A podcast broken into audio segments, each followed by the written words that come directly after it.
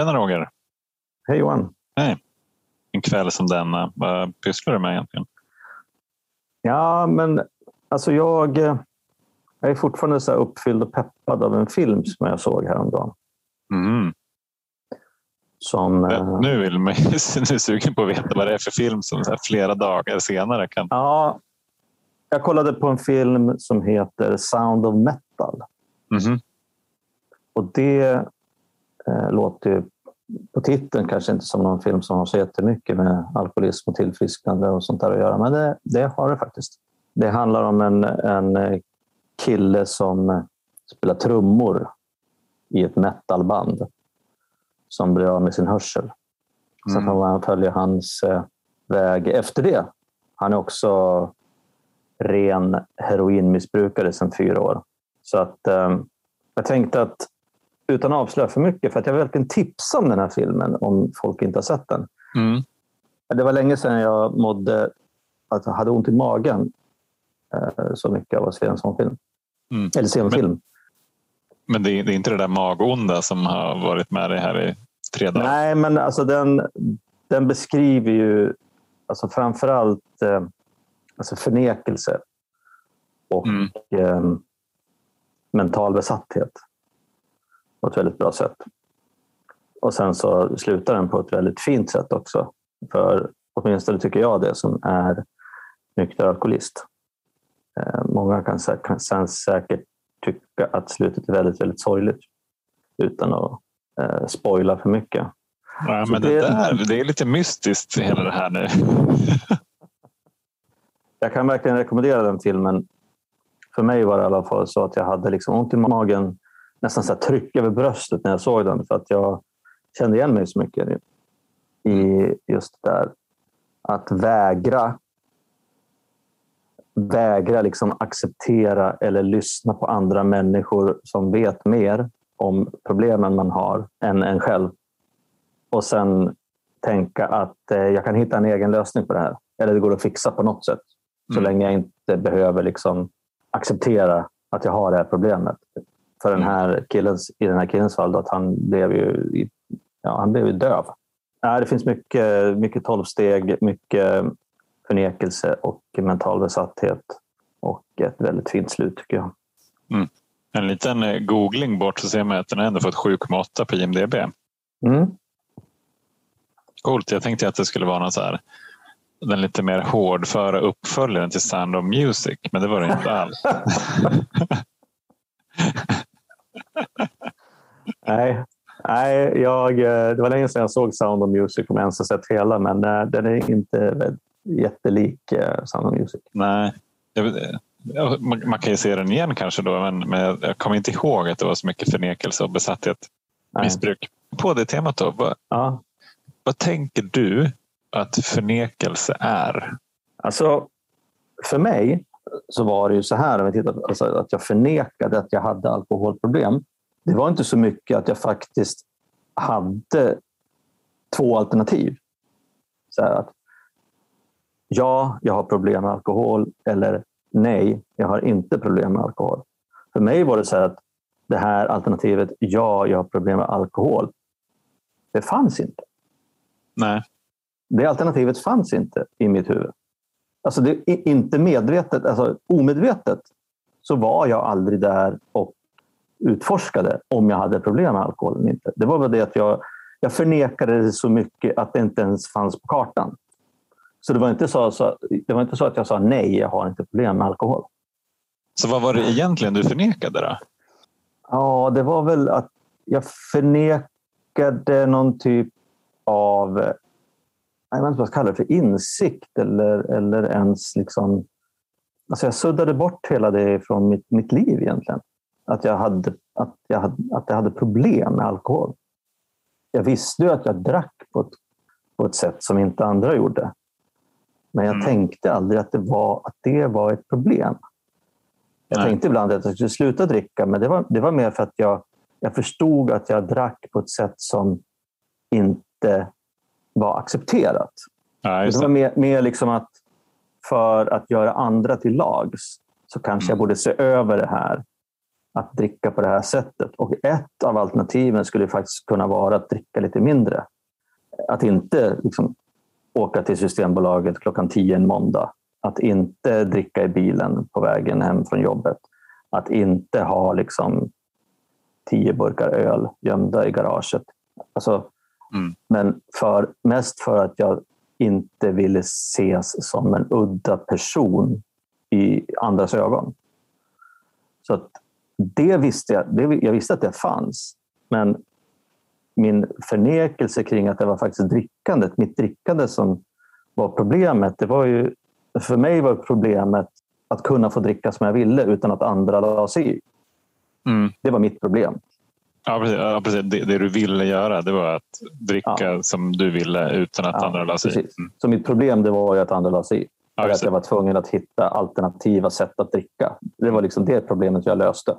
Förnekelse eller, eller oförmåga att se att mm. jag hade ett problem. Sen när jag, när jag faktiskt liksom fick så stora konsekvenser att jag då när jag valde att sluta.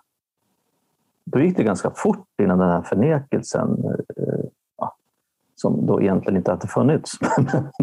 Men att då accepterade jag det ganska snabbt. Så att, eh, men just det där att, att kärnan i problemet är ju kanske inte mitt drickande utan det är ju att jag är alkoholist, att jag har en sjukdom.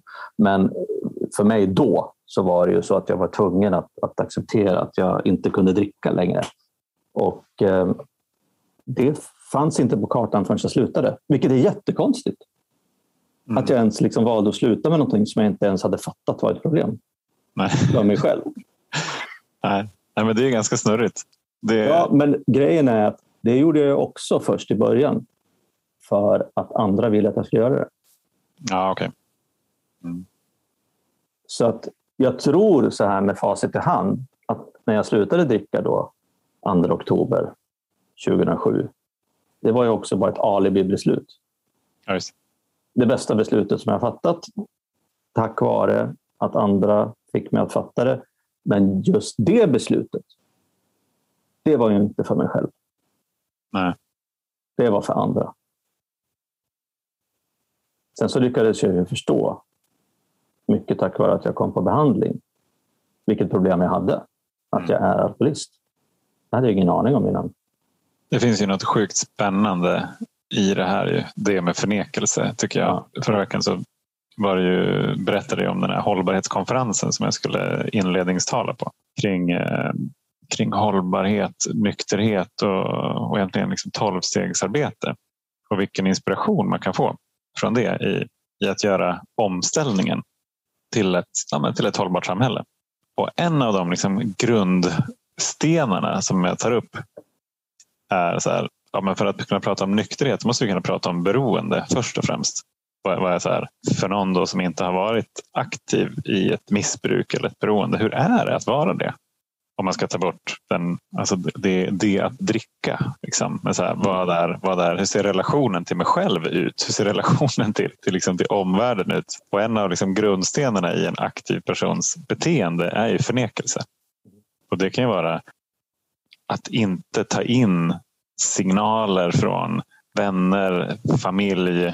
Ni säger att jag gör så här, ni har fel. Mm. Eh, alltså att jag, jag tolkar både externa signaler och även mina egna interna signaler. Alltså kroppen kan ju skrika efter så här, fan, lägg av. Mm. jag pallar inte med något mer. Jag, må, jag, jag mådde ju skitdåligt sista åren och ville inte se eller ens utforska möjligheten att det skulle kunna vara alkoholen som var anledningen till att jag mådde dåligt. Alltså jag drack ju för att jag mådde så dåligt. Och just den, den förnekelsen liksom i det här inledningstalet det kopplar jag till så här, ja, men vi har ju jättesvårt att ta till oss IPCC rapporter till exempel som säger så här, okej, okay, vi håller på att elda upp vår planet samtidigt som vi eh, översvämmar den, samtidigt som vi torkar ut den liksom med, med vårt sätt att, att konsumera, att resa, producera saker och så vidare. Liksom de liv vi lever de står inte i relation till den möjlighet vi har att leva de här liven. Vi måste göra det på något annat sätt. Och ändå är det sjukt svårt att ta in det där och komma till en insikt om att vi måste göra en förändring. förnekelse är ju någonting som såklart inte bara har drabbat oss som är alkoholister. Alltså vi människor förnekar ju saker och ting titt som tätt. Men det beror helt på då vad blir konsekvensen av mitt förnekande? Och i mitt fall att förneka de signaler som jag får. Det ledde ju bara till att lidandet blev större och större. Det här måendet blir värre och värre och värre. Och till slut så blir det så jävla dåligt så att, att jag säger så här, okej, okay, fuck it, jag lyssnar då. Jag är villig att, att ta in de här signalerna och faktiskt i mitt fall be om hjälp och liksom initiera i alla fall en förändring. Alltså I mitt fall så var det så här att jag var ju spritfri då, eller nykter i två veckor innan jag åkte på behandling. Mm. Eh, första tiden av de här, alltså efter jag hade fattat det här beslutet att jag inte skulle dricka, då var ju min inställning att jag skulle fixa det här själv. Min egen vilja så åt mig det. Min, min, min personlighet var ju mycket så här att fan, jag kan fixa det här. Och jag vet inte. Jag vet inte om jag trodde på det när jag sa det. Jag vill minnas att jag trodde på det. Fast jag tror nog innerst inne att jag visste att jag inte skulle kunna fixa det.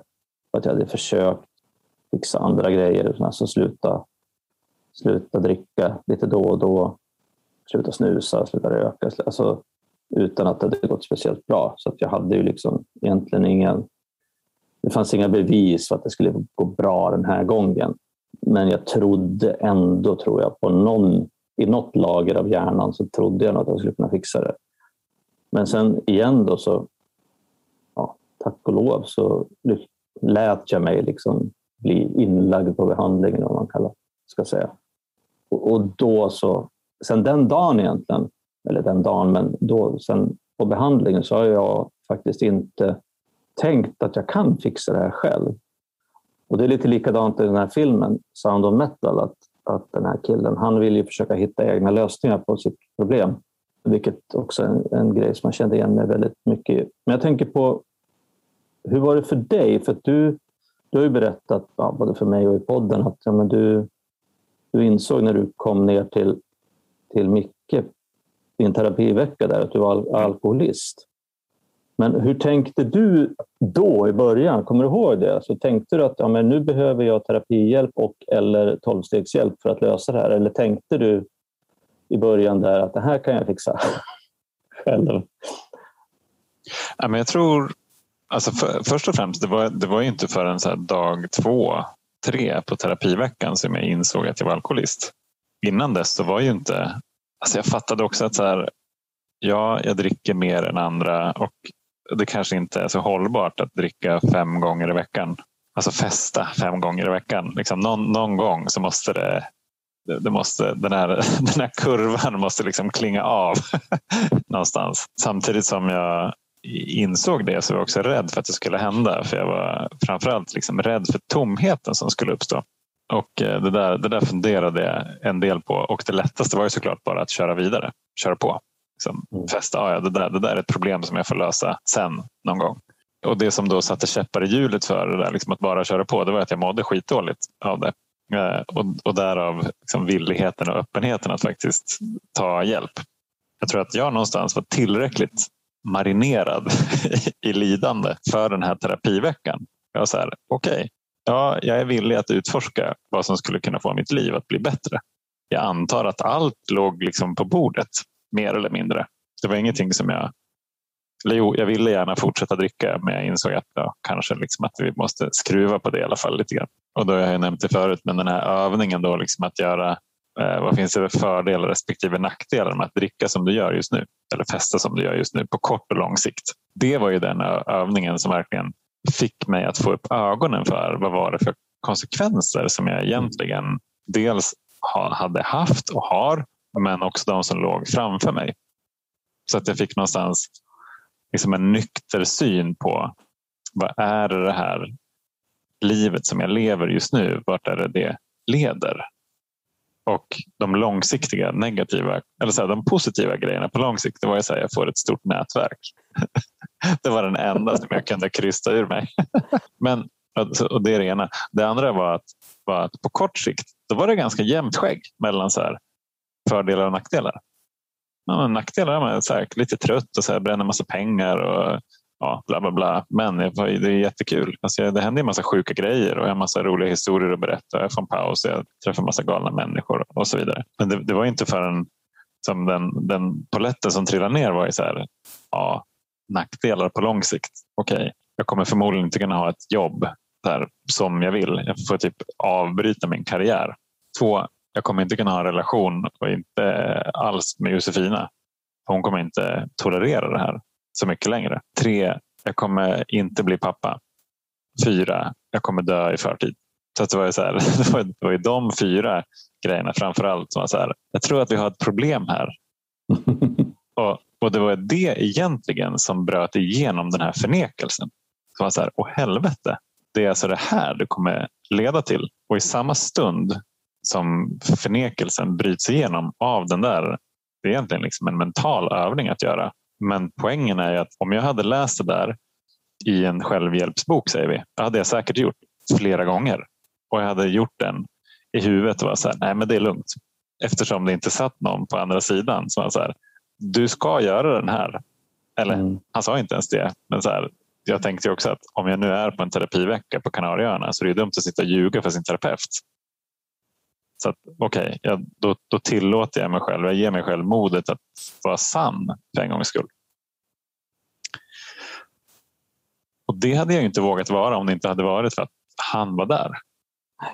Så att det, det gäller, eh, kan inte nog understryka vikten av att det är nog fan omöjligt att få syn på sig själv själv. Ja, alltså det du säger nu, det får mig att tänka på också, för jag fick ju ett genombrott på behandlingen ganska tidigt, just när jag skulle redovisa mina konsekvenser. Och då fick jag liksom använda hela whiteboardtavlan och, och skriva upp, ja det var ekonomiska, sociala relationer, mm. eh, alltså även ja, eventuella brottsliga eller juridiska konsekvenser och så vidare. Och så vidare. Mm. Och så har jag berättat att jag var i det där rummet då, kvällen innan jag skulle redovisa det där på morgonen och skrev ner allt det där och satte mig och tittade på det. Och då liksom att allting flöt ihop, lite Matrix-aktigt. Jag, bara, jag såg liksom för första gången i mitt liv som 40-åring drygt, mm. så såg jag alla konsekvenser. Mm. Och jag förstod, jag kunde också se hur de, hur de hängde ihop med varandra. Och jag tänker på det som du har pratat om nu, att, att för mig och för dig så var det ju liksom att fejsa, alltså på allvar, på riktigt, att fejsa konsekvenser mm. som fick oss liksom att få någon typ av genombrott. Alltså att gå från mm, förnekelse, att tränga igenom det där och vilja göra en förändring. Och problemet är ju att ingen jävel som är aktiv vill ju sätta sig eller prata med någon annan, sitta mitt emot någon och prata om sina konsekvenser eller kanske skriva ner alla på en whiteboardtavla eller i, på ett papper. Nej. Alltså det händer inte.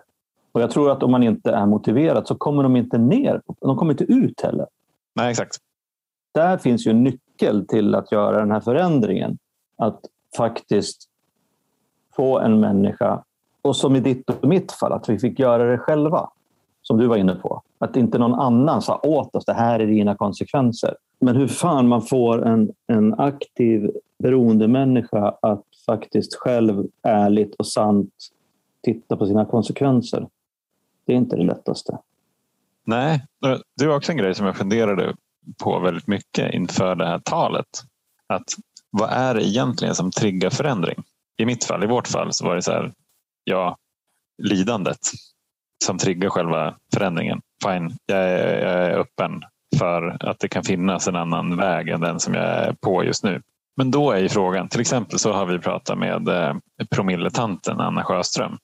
Kan det också finnas någonting på andra sidan? Men så här, ja, men det här är ett, jag ser att det finns ett liv som är bättre än det här. Som jag vill leva istället. Alltså lite grann som det vi hittar ju i gemenskapen efter ett tag när vi har tagit beslutet om att bli nyktra. Men det var inte, inte det som har triggat själva 10 000 kronors frågan här. Eller så här, ja, 10 000 euro, en miljon kanske. Jag vet inte vad som är liksom rimligt i dagens penningvärde. Nej, så här, går det att göra den fundamentala förändringen om det är så att det, liksom, att det inte är botten jag behöver nå utan kan jag göra den genom att bara föreställa mig att jag skulle kunna ha ett bättre liv. Jag menar, bara för att den här vägen har, har varit vår väg så behöver inte det betyda att andra vägar inte finns. Nej. Väldigt bra poäng. Och då kommer jag tänka på, jag vet inte om jag har pratat om det i podden förut, men jag har pratat om det när det gäller alltså, marknadsföring och, och ekonomisk psykologi. Eller just det där med förlustaversion. Alltså, det verkar som, eh, enligt psykologin, då, nu har jag inga direkta källor, men, men just det där att rädslan för att förlora någonting som man har väger mycket, mycket större än, än chansen att vinna någonting. Jag tror att den här förlustaversionsteorin gör att det är svårt att bryta sig loss ifrån det livet som jag har, även om det är för jävligt. Och framförallt kanske att förlora alkoholen i vårt fall. Ja, precis. För att, att se vinsterna med att förlora alkoholen, det blir väldigt svårt om jag inte är liksom väldigt i det fönstret där jag kanske kan förändra mig. Eller sitter mm. och tänker på att ja, men just hur är det här på kort och lång sikt? Liksom. Jag vet inte. Eh, nu får jag väl spekulera lite grann utifrån min egna erfarenhet och det som jag har lärt mig under mina år liksom i tolvstegsprogram. Men jag tror att en, en drivande kraft för mig själv och för många som, som jag har pratat med att göra förändring, det är ju att det gör för ont helt enkelt. Mm. Det är det som får, har fått mig och andra människor att göra förändringen. Sen att det finns ett liv som är mycket, mycket bättre på andra sidan. Jag höll på att säga att det är bara en bonus, men, men det är ju någonting som jag trodde inte på det. Jag visste inte att det skulle bli så. Jag trodde inte på det om någon hade sagt det. Liksom. Nej, precis. Det, det trodde inte jag heller. Det var, det var mer liksom i, i desperation. Ja. Det var så här, jag kan inte leva det här livet i alla fall. Låt det bara förändras. Okej, okay, jag är villig att göra det. Jag tror också att om jag, när jag tänkte på det att bli nykter. Jag experimenterade ju lite så här halvblasé med lite vita månader och sådär. Och det gav ju mig en bild av hur det är att vara nykter. Och det enda jag såg i det, det var ju så här, det är en stor uppoffring. Så det är klart att det skulle jag aldrig ha gått för själv. Det var så här, jag väljer att, eh, att välja, jag väljer det livet för det verkar ju mycket mer nice än det jag har nu. Men, nej, jag har ju massa bevis på att det är piss. Mm. Och att det som genomsyrar det är just det att det är en uppoffring. Och det är ju inte hållbart heller. Idag vet jag ju det att det är ingen uppoffring, det är en frihet. Snarare är fri från, fri från alkoholen till skillnad från hur det var i början. Jag får inte dricka, idag jag behöver inte dricka. Men det är ju någonting som känns så jävla främmande innan jag tar steget och blir nykter och i början. Så att det är knappt så jag tror på dem som delar om det. Ja, precis. Men en grej som jag sitter och tänker på här nu det är att jag försöker komma ihåg när jag faktiskt liksom på riktigt tog första steget. Alltså när jag erkände att jag var maktlös inför alkoholen och att mitt liv var ohanterligt. Jag tror att det kom senare. För jag tror att den här, alltså min vilja att göra en förändring, att se konsekvenserna av alkoholen. Tror fortfarande att jag hade ett litet, att det fanns några frön i huvudet. Att jag kunde, ja, jag kanske är alkoholist. Jag kanske har fått, det är för mycket konsekvenser.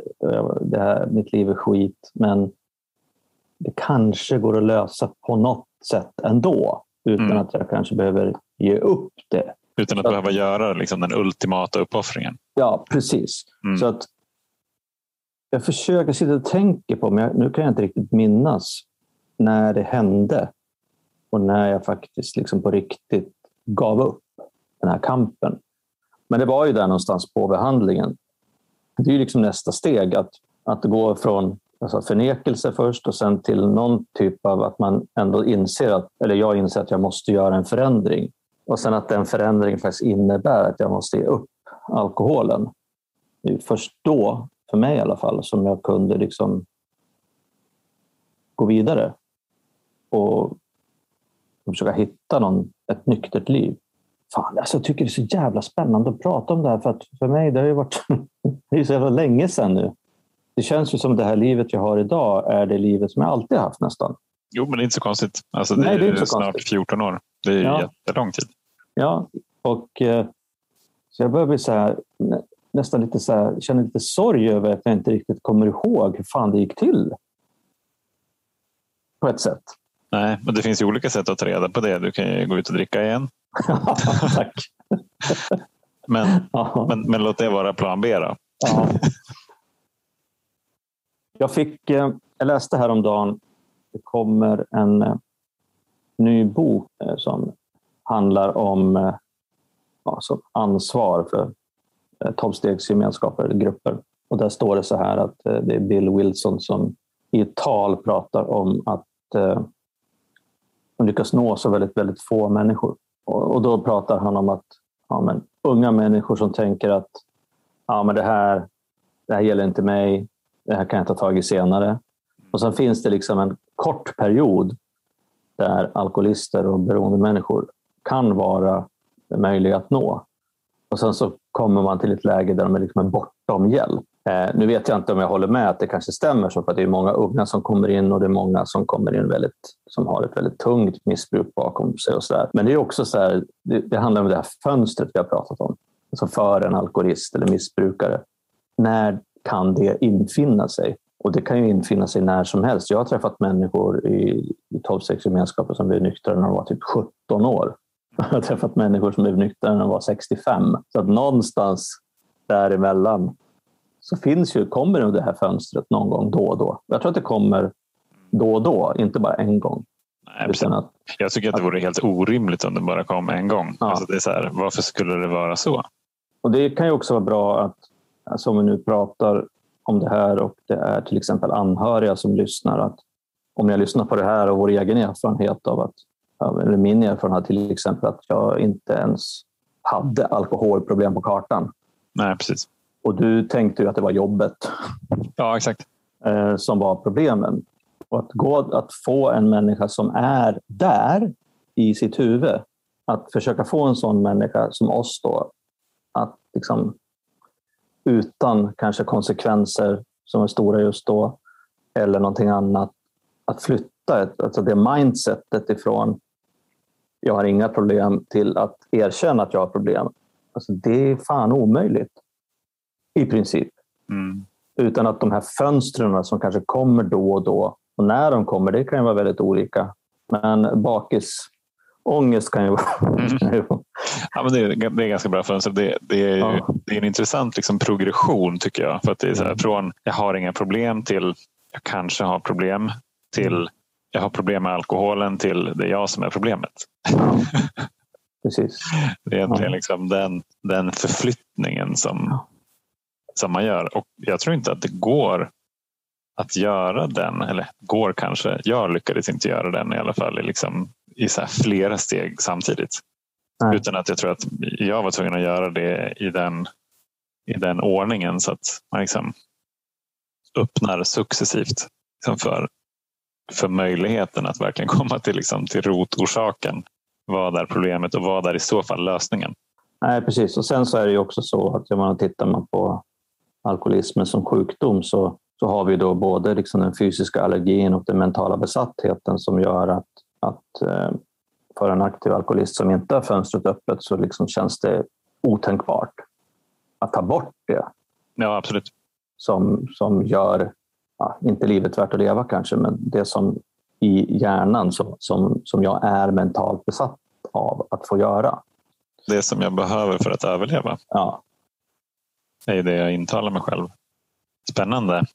Ja, mycket spännande. Och eh, återigen då, om ni vill eh, se en film som handlar lite grann om det här och lite mer så kolla på Sound of Metal. Mm, det ska jag göra faktiskt ikväll. Mm. Kan jag lära mig lite om mig själv. Får jag göra en liten djupanalys någon gång? Ja, vi kan väl, göra, vi kan väl köra en liten eh, sån här jämförelse med Sound of Music. Då sen. Ja, det vore kul. Ju mer vi pratar om de här grejerna liksom, från förnekelse till förändring, desto mer osannolikt verkar det att det faktiskt har hänt. ja, precis. Faktiskt. Desto mer tacksam ja. jag tänker att det faktiskt hände. Ja, verkligen. Jag tror också desto mer ansvar känner jag för att som låta det där fönstret, om man så vill, vara öppet. Det är ingen självklarhet. Nej, det är det verkligen inte. Och Det är också svårt att se på en människa om fönstret är öppet. Mm. Så att man får göra lite, peta lite grann på dem. Får kolla lite i gardinen om den... Ja, precis. Om det drar lite. ja, exakt. Ja, vad fint Johan. Härligt Roger. Du, tack för det här snacket. Ja, tack själv. Ha en, eh, ha en grym helg där ute. Och eh, fortsätt mer än gärna att höra av er till oss på alkispodden.gmail.com så svarar vi så fort vi kan. Det är yes. underbart att få kontakt med er. Verkligen. Ha det så fint där ute. Trevlig helg. Kram, ja. kram. Ciao. Hej.